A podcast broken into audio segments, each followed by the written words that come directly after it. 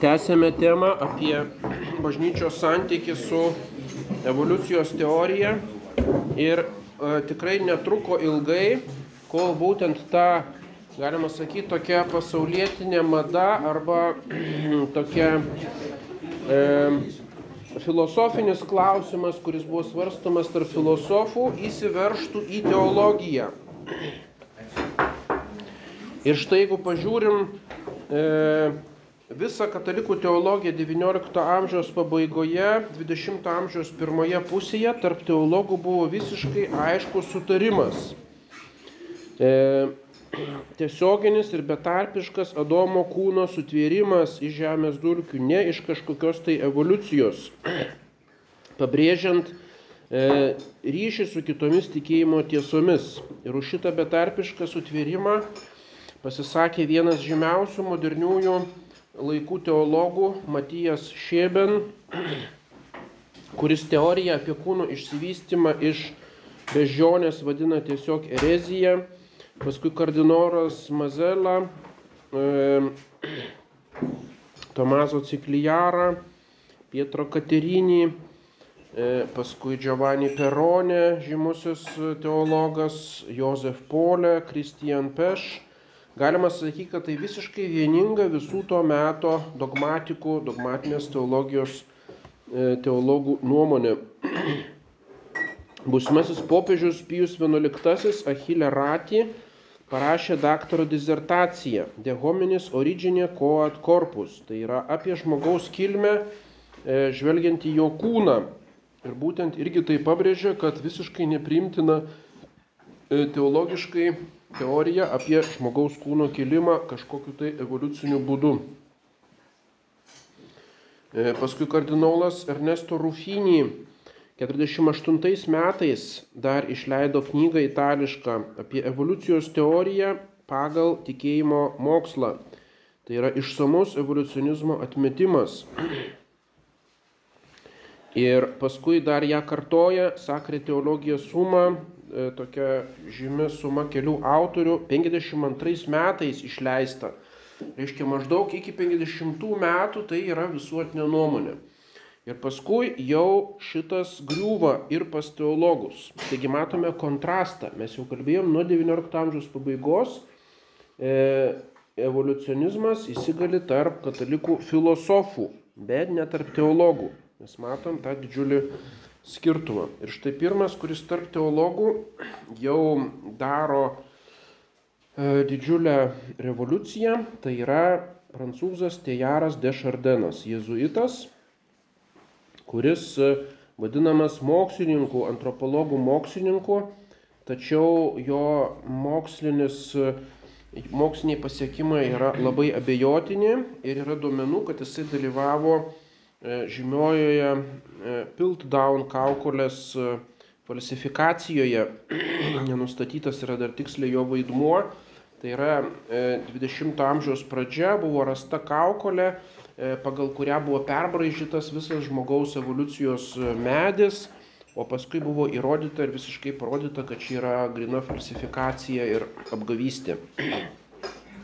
Paskui Tijardas Šardinas keliavo į Kiniją, kur buvo pirmųjų tokių hominidų liekanos rastos ir tenais dalyvavo įtvirtinant tą nuomonę apie Pekino žmogų vadinamą, apie Kinijos tuos radinius kaip vieną iš svarbiausių žmogaus evoliucijos grandžių.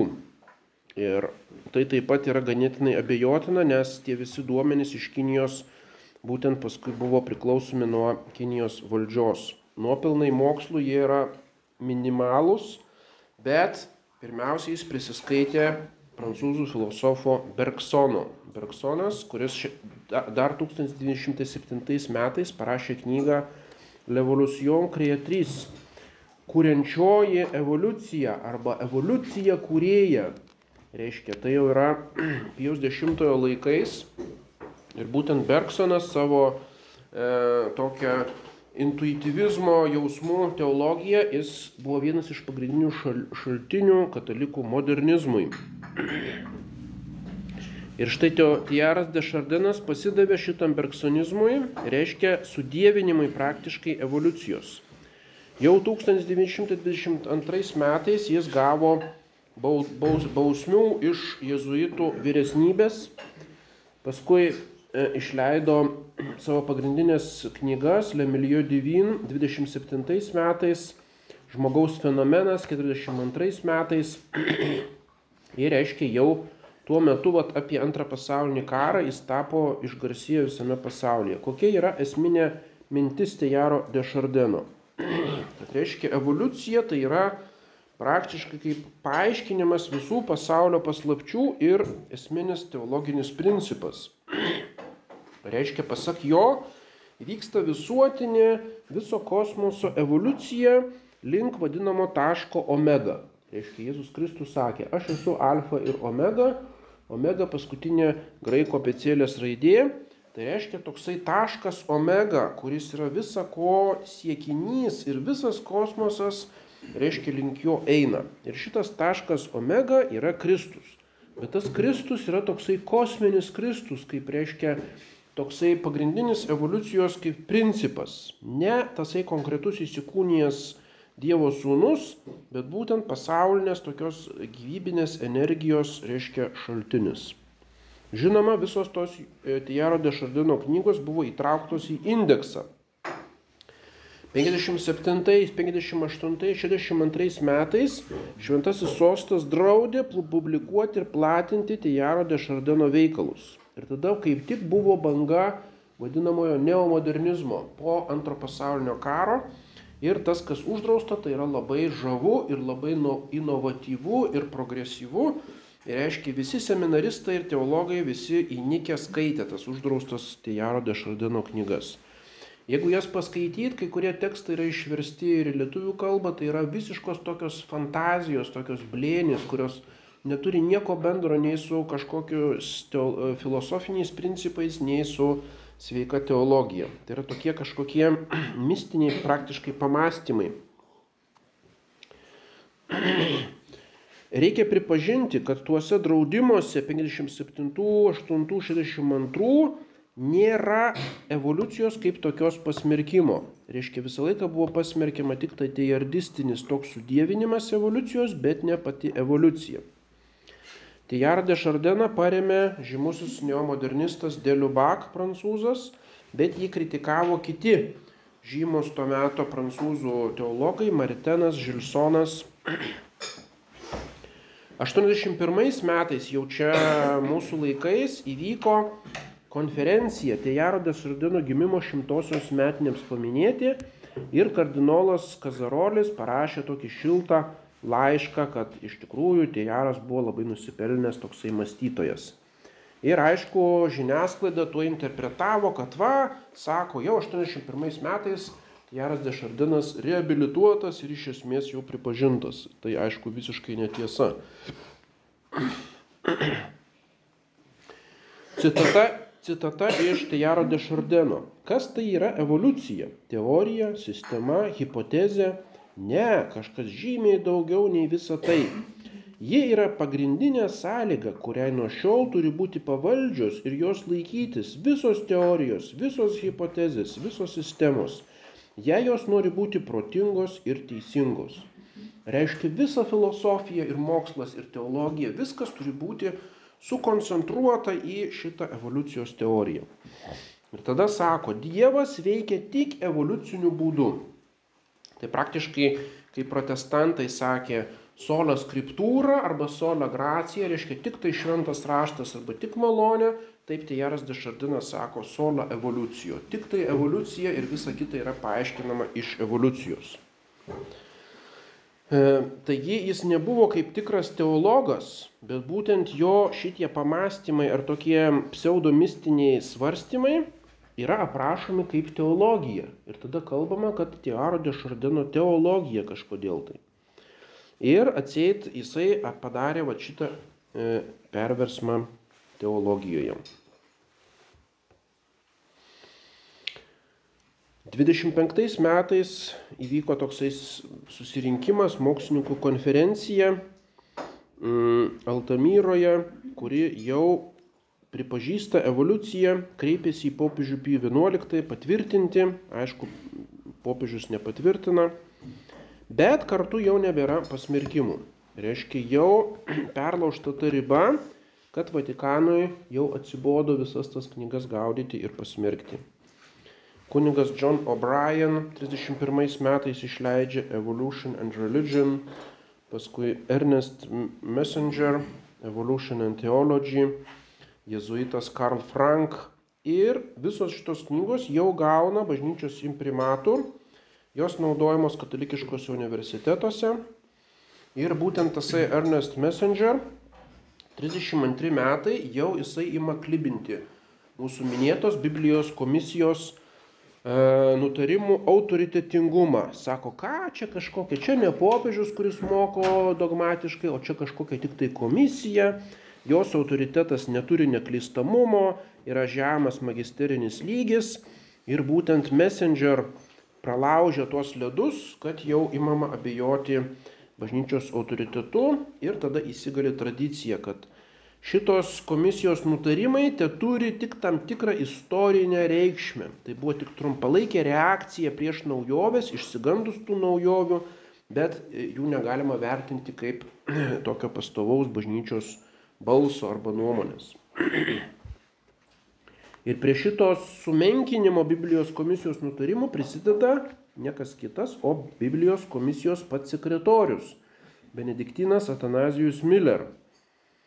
E, išleidžiamas toksai Enchiridion Biblicum, ketvirta laida, 54 metai. Reiškia, toksai rinkinys būtent Biblijos komisijos ir su Biblija susijusių nutarimų toksai e, apžvalga. Tai yra labai svarbus rinkinys, panašiai kaip Denzinger. Kas žino Denzinger, tai yra visų dogminių nutarimų toksai rinkinys. Ir štai tasai Miller, pats būdamas tos komisijos sekretoriumi, paskelbė tokiam benediktinų e, žurnale, paskelbė recenziją, kurie sako, kad komisijos nutarimai iš esmės jau yra pasenę ir neįpareigojantis. Ir tada visi pasigrėbė šitą recenziją, va, sako, pati Biblijos komisija pasakė, kad čia viskas buvo tik tai jos asmeninė nuomonė. Ir tai aišku vėlgi yra žiniasklaidos pritemtas dalykas, kadangi tai nebuvo oficiali interpretacija, oficialus, autentiškas Biblijos komisijos nutarimų išaiškinimas, o tai yra tik tai privati recenzija, reiškia privatus pakomentavimas tos knygos, kurią atliko tasai vat e, Tanazijus Miller. Ir taip matom, per tokius mažus žingsnelius, per tokius mažus visokias recenzijas, čia kažkoks interviu, čia straipsnelis, čia kas ir viskas klibinama, viskas išplaukia, viskas netenka autoriteto ir galiausiai tasai kaip, kaip volas, kaip reiškia tankas, reiškia eina šito pasaulio tokia madinga linija. Tai yra tiesiog neįtikėtinas, neįtikėtinas procesas.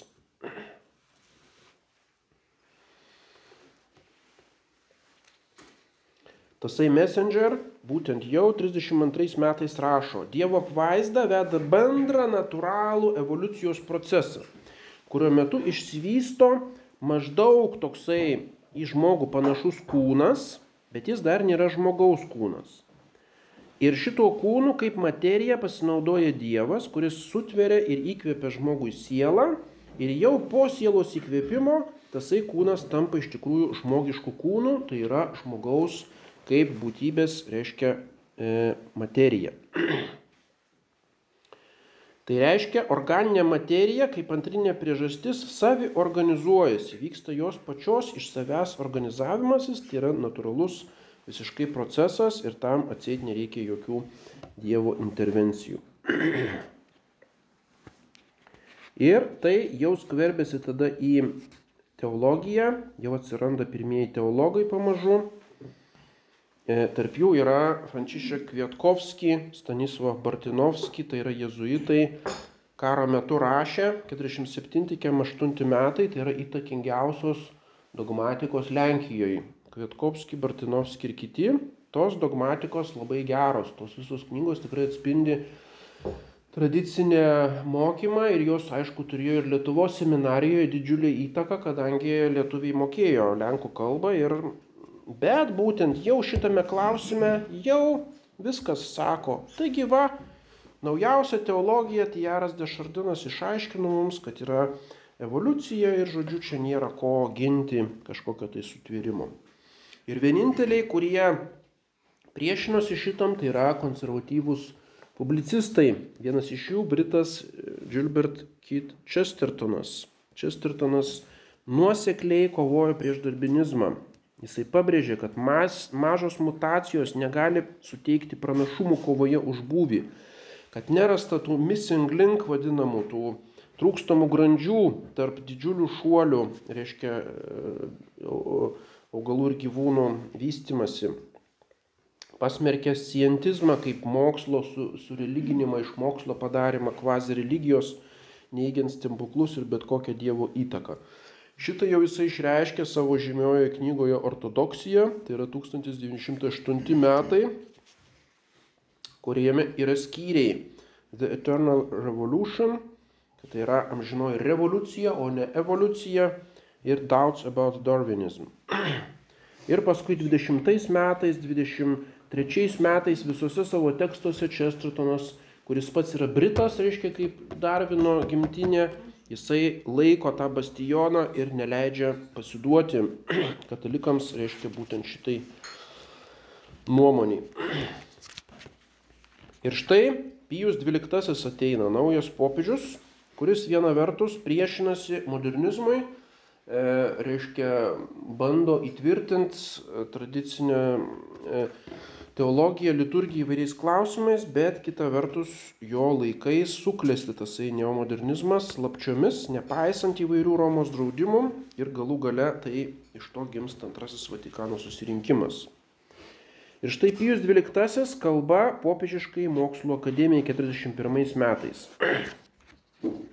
Pijus XII galima sakyt, buvo tokia prasme šiek tiek grafomanas, panašiai kaip paskui Jonas Paulius II. Reiškia, yra milžiniškas kiekis Pijaus 12 tekstų. Tai ten konferencija, tai anokia konferencija, visur pasisakymai, masė visokiausių straipsnių, E, bent patys pagrindiniai jo socialiniais klausimais į tokius tris storus tomus, reiškia, po tūkstantį puslapių yra surinkta. Tai reiškia, supaisyti, ką kada yra pasakęs Pijus XII, tai yra panašiai kaip supaisyti, ką yra pasakęs Jonas Paulius II, kurio irgi yra tiesiog masė visokiausių tekstų Ir tada nu, nuplaukia ta riba. Nelabai yra aišku jau, kur yra popiežiaus aiškus magisteriumas, o kur yra popiežiaus kaip mąstytojo ar filosofo ar teologo pamastymai. Ar aišku, tada popiežiaus autoritetas dar buvo pačioje aukštumoje, buvo labai pats Pijus XII turėjo milžinišką autoritetą ir tokią iškalbą ir žodžiu, Ir todėl e, tie visi jo įvairiausios kalbos ir visokios konferencijos ir kiti tekstai taip pat turėjo nemažą reikšmę. Ir jie irgi tokį kvazi magisteriumo tokią funkciją turėjo. Jie yra publikuojami AAS, tai yra Akta Apostoličiai Sėdis, tai yra oficialūs e, šventojo sosto nutarimai. Reiškia, jie turi tam tikrą autoritetą. Ir būtent toje kalboje 41 metais jis pakartoja tradicinę tezę, kad Adomo kūnas sutvertas iš žemės dulkių, o Ado, Ievos kūnas iš Adomo. Klausimo apie žmogaus pradžią negali išspręsti pats mokslas, reikalingas apreiškimo apšvietimas. Visiškai klasikinė mokymas. Gerai, mokslas gali svarstyti, Bet mokslas turi savo ribas. O čia apie žmogaus kilmę kalbant, jau turi būti dieviškas apreiškimas, jis turi apšviesti, apvalyti nuo klaidų arba parodyti kelią mokslui. Reiškia. Klasikinė tezė - filosofija ančylė teologija. Reiškia, filosofija yra teologijos tarnaitė, o gamtos mokslai yra filosofijos tarnaitės. Tai reiškia, Gamtos mokslai yra tarnaičių tarnaitės ir tuo būdu jos negali pretenduoti vadovauti teologijai ar aiškinti teologiją. tai yra 41 metais. O štai kita Pijaus 12 kalba genetikos kongrese 1953 metai. Tas pats popiežius, laiko skirtumas yra 12 e, metų. Ir jisai sako, kad mokslas dar toli gražu neatsakė į klausimą apie žmogaus kilmę, viskas tvarkoji. Čia yra tik tai hipotezės, teorijos, Tačiau šito klausimo tyrimas priklauso mokslo kompetencijai. Jau jis nebekalba, kad m, e, negali to išspręsti mokslas, reikalingas apreiškimo apšvietimas, reiškia teologija turi tam vadovauti ir turėti paskutinį žodį, bet ne jau jisai klau, sako, čia jau yra mokslo kompetencija, o mes jau nebesikišam į mokslo kompetenciją. Ir Haberek, kur, iš kurio va, tas citatas įmu, jisai sako, kad tai yra didelis lūžis, būtent 53 metai. E, tai yra tik tai nedidelė citata, bet jau tai rodo pasikeitimą, kuris įvyko 50 metais. Tada 50 metai didžioji Pijaus 12 enciklika Humani Generis prieš įvairiausias modernes klaidas tikrai yra fundamentali enciklika. Pradžioje jisai kritikuoja evoliucijos teoriją apskritai, kad jinai nėra įrodyta mokslo ir kad jinai instrumentalizuojama, naudojama paremti ateizmui. Tai yra įrankis šito pasaulio prieš religiją. Išdėsto tradicinę doktriną apie mokslo ir tikėjimo santyki. Ir paskui eina žymusis jo sakinys. Bažnyčios magisteriumas nedraudžia tam tikro kabutėse evoliucionizmo mokymo, tiek kiek jis tyria, ar žmogaus kūnas kilęs iš jau egzistavusios ir gyvos materijos, nes katalikų tikėjimas įsako mums laikytis, kad Dievas betarpiškai sutveria sielas. Tai yra tik tai vienas sakinys ir šitas sakinys tampa kaip vėliava, kuri iki šiol mojuoja visi, sako, žiūrėkit, tradicinis popiežius Pijus XII pripažino. Bet ką tai reiškia? Aiškiai pasakyta, Magisteriumas nedraudžia tirti evoliucionizmo, e, teigiančio žmogaus kūną kilimą iš jau esančios organinės materijos. Tai reiškia, kad tai nėra evoliucionizmo patvirtinimas, o yra tik tai leidimas mokslui išlaikyti tam tikrą autonomiją, katalikams mokslininkams tirti tuos klausimus, svarstyti, gerbent Visą tai paskui popiežius pabrėžė, visą tai reikia daryti su nuosaikumu pirmiausia, paskui gerbent Biblijos ir tradicijos tezes šiuo klausimu ir paliekant galutinius sprendimus magisteriumui. Ir toliau jisai sako, kad visiškai netiesa, jog tokia kilmė jau yra įrodyta mokslo. Taigi popiežius jokių būdų nepatvirtina evoliucionizmo, jisai sako tik tai Mes neuždraudžiam katalikų mokslininkams, kaip mokslininkams, nesikišant į teologijos klausimus ir paliekant autoritetą sprendimo magisteriumui, nagrinėti šitą, šitą temą. Ir tai yra visiškas pritempimas sakyti, kad Pijus XII 50 metais pripažino evoliucijos teoriją. Tai yra tikrai piktnaudžiavimas išpūstas būtent medijų. Ir kitas punktas, kurį iškelia Pijus XII ir kuris jam yra svarbesnis, Tai yra poligenizmo teorija. Reiškia, didžiausią dėmesį jisai skiria tuo metu vėl atgimusiam vadinamam poligenizmui. Ką reiškia? Tas žodis reiškia daugelio protėvių buvimas. Reiškia ne viena individų pora Adomas ir Jėva, bet žmonija kilo iš daugelio protėvių. Šitą teoriją iškėlė deistai, kurie buvo prieš institucinė krikščionybė, klaidinga antikrikščioniška e, ideologija deizmo 17 amžiuje. Isaac de la Peyrer 1655 metais rašė, kad pradžios knygos pirmos skyrius 26 eilutėje, kur pirmą kartą kalbam apie Domą ir Jėvą, tai yra preadamitų sutvėrimas. O pradžios knygos antro, antros skyriaus septintoje eilutėje, kur antrą kartą kalbama apie Domą ir Jėvą, tai jau yra adamitų sutvėrimas. Reiškia, buvo pirmiausia sutverti prie adamitai, iki Adomo buvę žmonės, o paskui buvo sutvertas Adomas ir Jėva. Ir štai buvo tokios kaip dvi linijos ir šitie prie adamitai žuvo tvano metu. Tada poligenizmą toj pat paremė kiti deistai E, taip pat atsirado ko adamitai, kad iš pat pradžių Dievas sutvėrė ne vieną žmonių porą, o didelį žmonių skaičių. Tai yra, buvo kaip žmonių bendruomenė. O Adomas ir Jėva tai yra toks taip simbolinis pavadinimas didelės žmonių grupės, kurią Dievas nuo pat pradžių sutvėrė. Nu ir galima sakyti, poligenizmas šiandien yra darvinistinio mokslo praktiškai esminis punktas.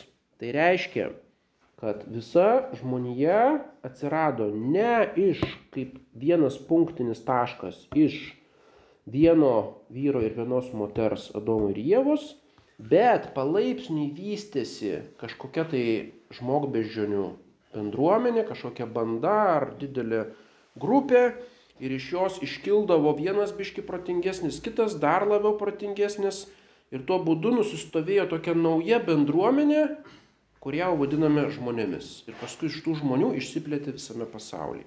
Tai reiškia, nėra vieno protėvio visos žmonijos, vienos poros, o yra daug protėvių.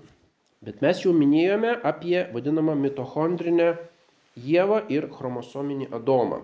Reiškia, jeigu tyriame žmogaus genus, mitochondrijos tai yra tokios organelės žmogaus lastelėse ir juose yra toks genetinis kodas, kuris yra paralelinis su DNR. Reiškia, DNR kodas, o paskui yra tos pačios mitochondrijos kodas. Iš kur tos mitochondrijos, tai čia sakome, kad gal jinai buvo iš pradžių bakterija, kuri įsiskverbė į lasteles ir taip toliau. Ir reiškia, tyriant šitą mitochondrinį galima atsekti maždaug kilmę Ir jeigu tyriame visų dabar esančių žmonių, nuo kokių nors bušmenų iki australų, iki papuasų, iki, reiškia, visų žmonių labiausiai nutolusių bendrus genus ir iš jų išvedam tokį bendrą vardiklį, tai gauname šitokią mitochondrinę Ievą, kuri gyveno maždaug prieš 1500 metų. Ir panašiai galima su vyriškais į chromosomos genais nustatyti chromosominį adomą. Tačiau reikia suprasti, kad tai nėra realūs žmonių protėviai, o tai yra tik tai tie protėviai, tie individai, kurių genus turi visi dabar gyvenantys žmonės. O kiek žmonių žuvo įvairiomis epochomis ir prarasti yra jų genai. Tai reiškia, tie tikrieji protėviai turėjo būti daug senesni negu mitochondrinė Jėva ir chromosominis Adomas. O be to tai yra visiškai skirtingos linijos, pagal skirtingus genus ir skaiti, skirtingą metodiką skaičiuojama.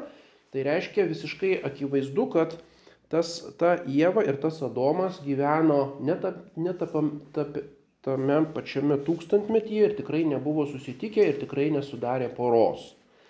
Tai reiškia, jie yra kaip seniausi dabar gyvenančių žmonių protėviai skirtingose linijose. Bet tai nėra įrodymas mokslinis Adomo ir Ievos ir tai nėra tikrieji žmonijos protėviai, kad jie iš tikrųjų gyveno prieš 1500 metų. Ir būtent ta Ieva gyveno kažkokioje tokioje bandoje, ar tas Adomas, reiškia, tai buvo e, kolektyviniai protėviai, poligenizmas. Ir dabar tai yra šimtų procentų visur priimta kaip mokslinė tezė. Ir būtent Pijus XII 50 metais atmeta poligenizmą, kuris yra visiškai nebesuderinamas su pačiais pagrindais krikščionių teologijos apie gimtąją nuodėmę, apie išganimą, apie Kristų kaip antrąjį Adomą ir taip toliau.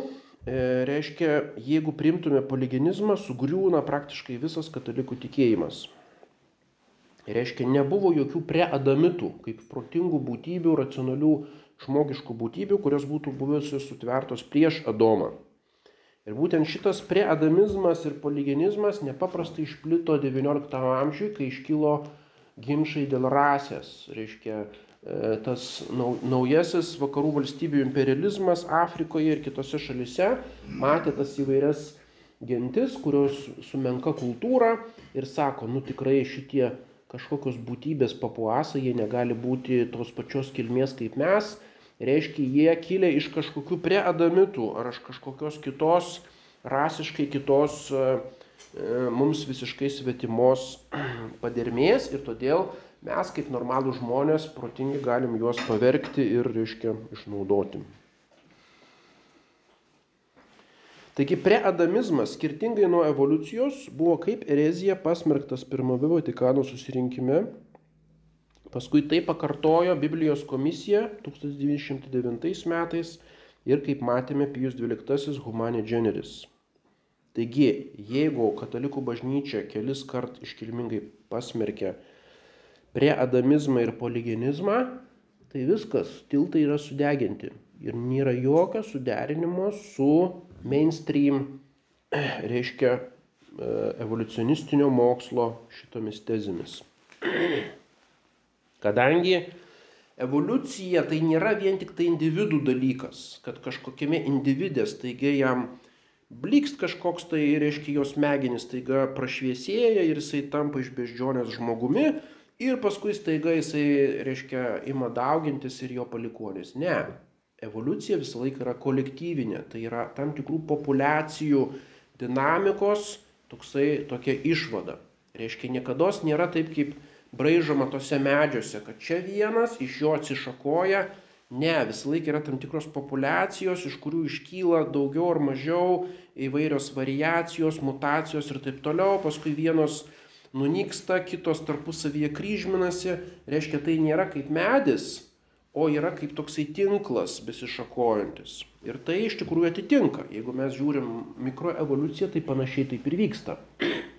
Tai nėra individų dalykas, individualių mutacijų, bet tam tikrų populiacijų, kurios prisitaiko prie tam tikros aplinkos, tai jeigu mes šitą modelį, kuris yra mm, esminis, atmetam žmogaus klausime, tai viskas. Tada mes neįmanoma yra suderinti katalikiškos teologijos su evoliucija žmogaus atžvilgiu. Reiškia, tai yra teorija, kad biblinio sutvėrimo ir paskui biblinio puolimo istorija aprašo daugybę kartų daugelįje palaipsniui hominizuotų beždžionių įvykusių aktų. Reiškia, atsirado per kelis milijonus metų įvairios tos beždžionės, paskui jos bloga valia kažkaip tai nusidėdavo ir visa tai Biblijoje tik simboliškai sukoncentruota į vieną žmonių porą. Tai aišku, visiškai neįtikėtina. Tada atėjo antras Vatikano susirinkimas ir reikia pabrėžti, antrame Vatikano susirinkime evoliucijos klausimas buvo tikriausiai samoningai nutilėtas. Iš viso nebuvo svarstomas nei už, nei prieš. Tačiau antrajam Vatikanui turėjo milžinišką įtaką būtent Tejar de Chardin, šita jo pseudo teologinė, e, pseudo teologinės spekulacijos ir tai yra visiškai aišku, tai pasmerkė jau antrą Vatikano laiku rašė kritikai, paskui arkivyskupas Marcelis Lefebras ir kiti. Ir tai visiškai akivaizdu e, Konstitucijoje apie bažnyčią šiuolaikinėme pasaulyje Gaudium et Spes 1965 metai. Pats istorijos vyksmas taip spartėja, kad pavienis žmogus vos pajėgia jį sekti. Taip žmonija nuo palyginti statiškos tikrovės sampratos pereina prie dinamiškesnės ir labiau evoliucinės sampratos. Reiškia, iki tol atseit, iki antro Vatikano, bažnyčia taip įsivaizdavo kaip tokį feodalinį statišką pasaulį, kur yra kažkokia hierarchija, yra kažkokios normos, teologinės dogmos. Ir reiškia, lūkso ta visa bažnyčia, va tai va statiškai, kas yra visiškai irgi netiesa, nes Bažnyčia visą laiką kalbėjo apie tradicijos dinamišką perdavimą ir jos bažnyčios dogmų gilesnį supratimą ir taip toliau. O dabar sako, čia mes atradom e, visiškai naują pasaulį, nuo statinės sampratos pername prie evoliucinės sampratos. Viskas evoliucionuoja. Bažnyčia, bažnyčios struktūros, moralinės normos, dogmos, liturgija, kas tik tai nori, yra toks begalinis evoliucionavimas ir keitimasis. Toliau kalbama tik tai apie tą evoliuciją kaip socialinio progreso sinonimą. Reiškia, vengiama temos apie gamtos mokslus, ką mes čia dabar kalbam.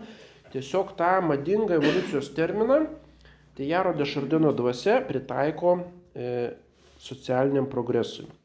Citata.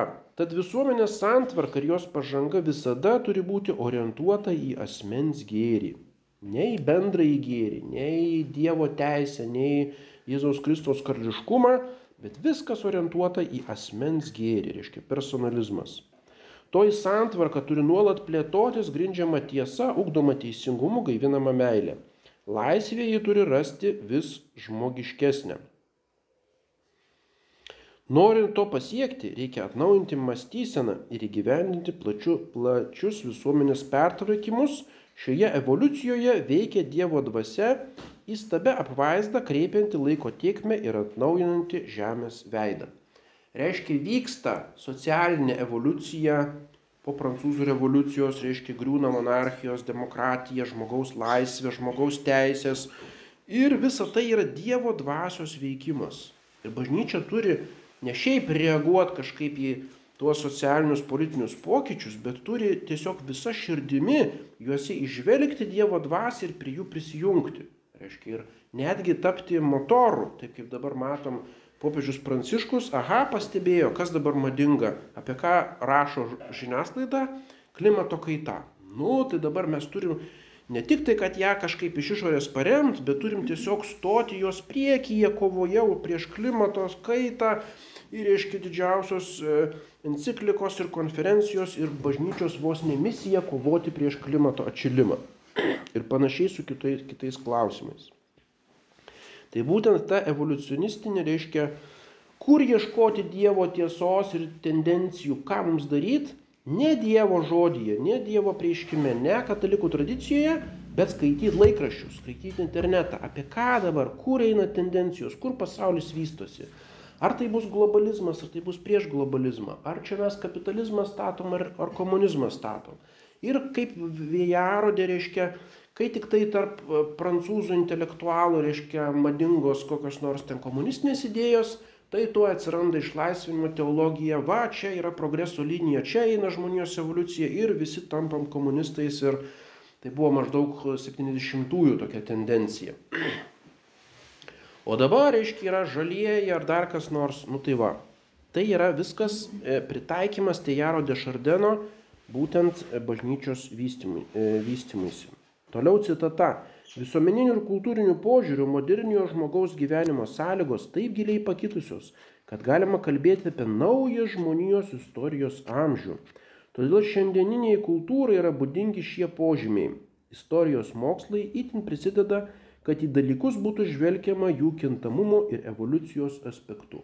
Reiškia, totalus tiesiog evoliucijos sudėvinimas. Taip kaip sakė Tejaras Dešardenas, Dievas veikia tik evoliuciniu būdu. Ir visos hipotezės ir teorijos ir sistemos, jeigu jos nori būti protingos ir teisingos, turi būti evoliucionistinės. Tai yra neįtikėtina.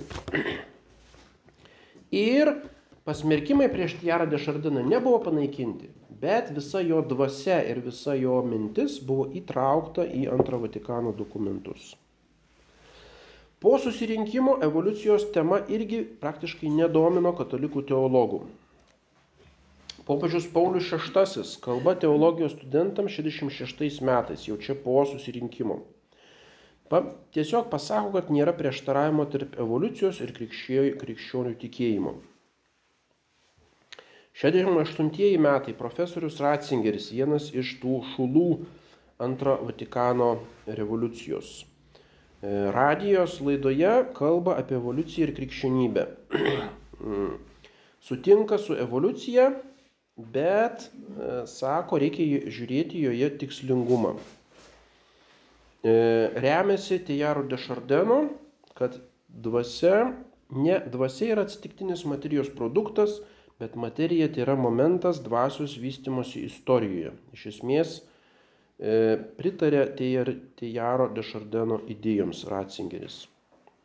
Žmogaus evoliucijos klausimas suveda į idealistinius kažkokius postulatus, nesvarbu, kaip Dievas sutvėrė žmogų, svarbu, kad žmogus įgavo galimybę užmėgsti personalinį asmenį ryšį su Dievu.